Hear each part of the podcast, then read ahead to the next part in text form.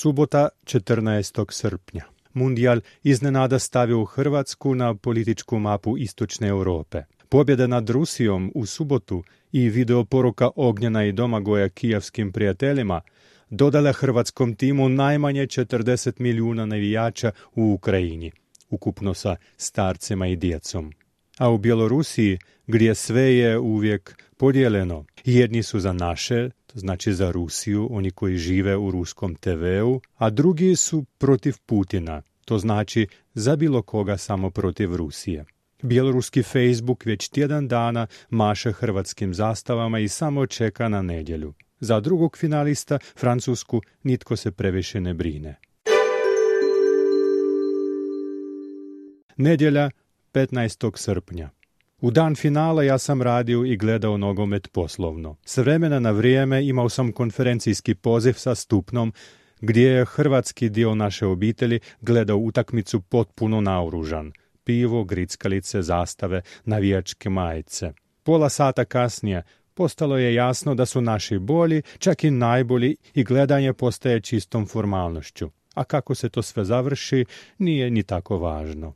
Početkom druge polovice na teren iskočile djevojke iz skupine Pussy Riot, Svrha akcije bio je protest protiv policijskog nasilja u Rusiji. Aktivistice zahtijevale oslobađanje političkih zatvorenika. Naravno, bile su na licu mjesta uhapšene. Za čas u društvenim mrežama moglo se vidjeti ispitivanje u policiji, gdje je ispitivač doslovno rekao šteta da danas nije 37. godina. Drugi vansportski događaj došao je nakon utakmice za vrijeme dodjele nagrada u sudjelovanje dvojice predsjednika i jedne predsjednice. U Moskvi je udario težak pljusak i neki odgovorni ljudi požurili spasiti VIP osobe. Donijeli su veliki kišobran i džentelmenski ga otkrili iznad Putina. Vjerojatno su mislili da Makronu je zbog velike radosti sve jedno, a hrvatska predsjednica i onako nije obučena prema protokolu, a i ništa važnog na njoj se ne smoći. I to je bio kraj ovog prvenstva. A tko je zaista pobjedio, nije teško pogoditi. Ponedjeljak 16. srpnja. Hrvatska ostaje i dalje važna tema na bjeloruskim društvenim mrežama.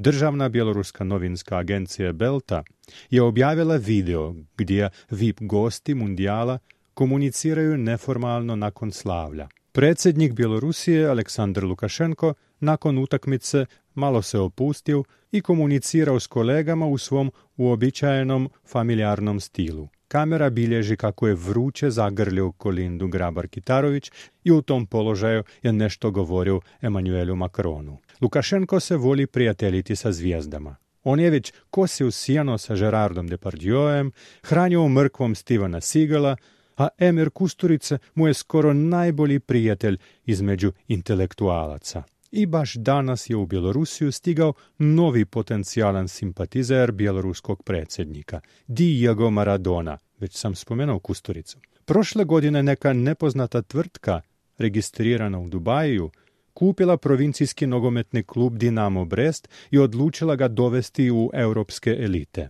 Kao prvi korak baš su pozvali Maradonu, koji je ušao u taj grad na granici s Poljskom u blindiranom autu, a na konferenciji za novinare potvrdio da se stvarno želi sresti s Lukašenkom, jer već sada stavi ga pored svojih idola, Fidela Castra, Hugo Chavesa, Muamara Gaddafija.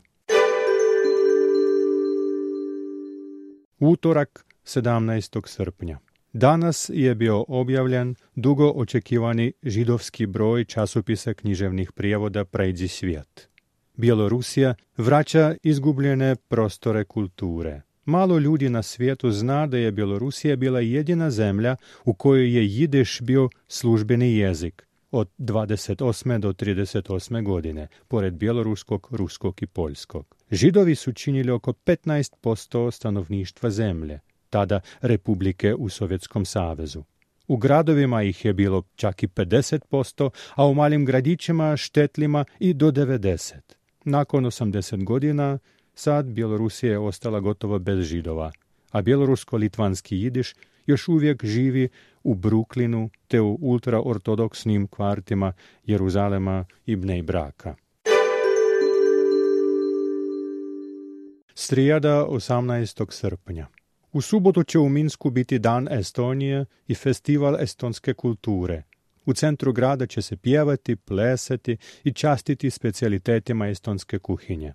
Pišem tekst o bjelorusko-estonskim odnosima i gledam informaciju o Estoncima u Bjelorusiji 20. 30. godina 20. stoljeća i o jedinoj estonskoj školi u malom selu Okoliozna, to je štetl gdje je rođen Šagal. Usput su se našle i druge neobične škole tih vremena, o kojima danas znamo vrlo malo po službenoj postsovjetskoj doktrini, prava povijest Bjelorusije počinje tek 1944. godine. Četvrtak, 19. srpnja. Na ljetnim tečaju hebrejskog jezika, u takozvanom velikom književnom klubu, ove godine čitamo roman Šaja Agnona Jučer prekjučer.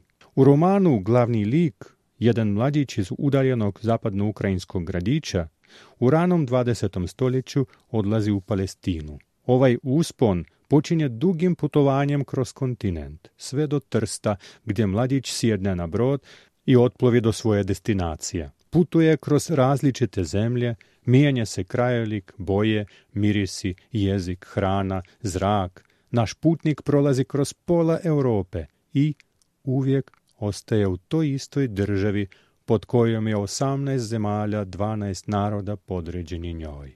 Austro-Ugarska još i danas, sto godina nakon raspada, u dušama mnogih budi nostalgično raspoloženje. Ovo višenarodno, viševjersko, višekulturno carstvo bilo je velikim književnim kontinentom, kojem pripada ne samo Kafka, Schulz, Čapek, ali i Agnon, Joyce i mnogi drugi pisci koji su već odrastali na post-austrougarskom tlu.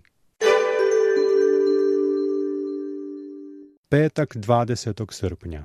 Nazvao je moj minski izdavač i rekao da je konačno prikupio sve potrebne papire za objavu mog prijevoda Dvora od Oraha, Miljenka Jergovića.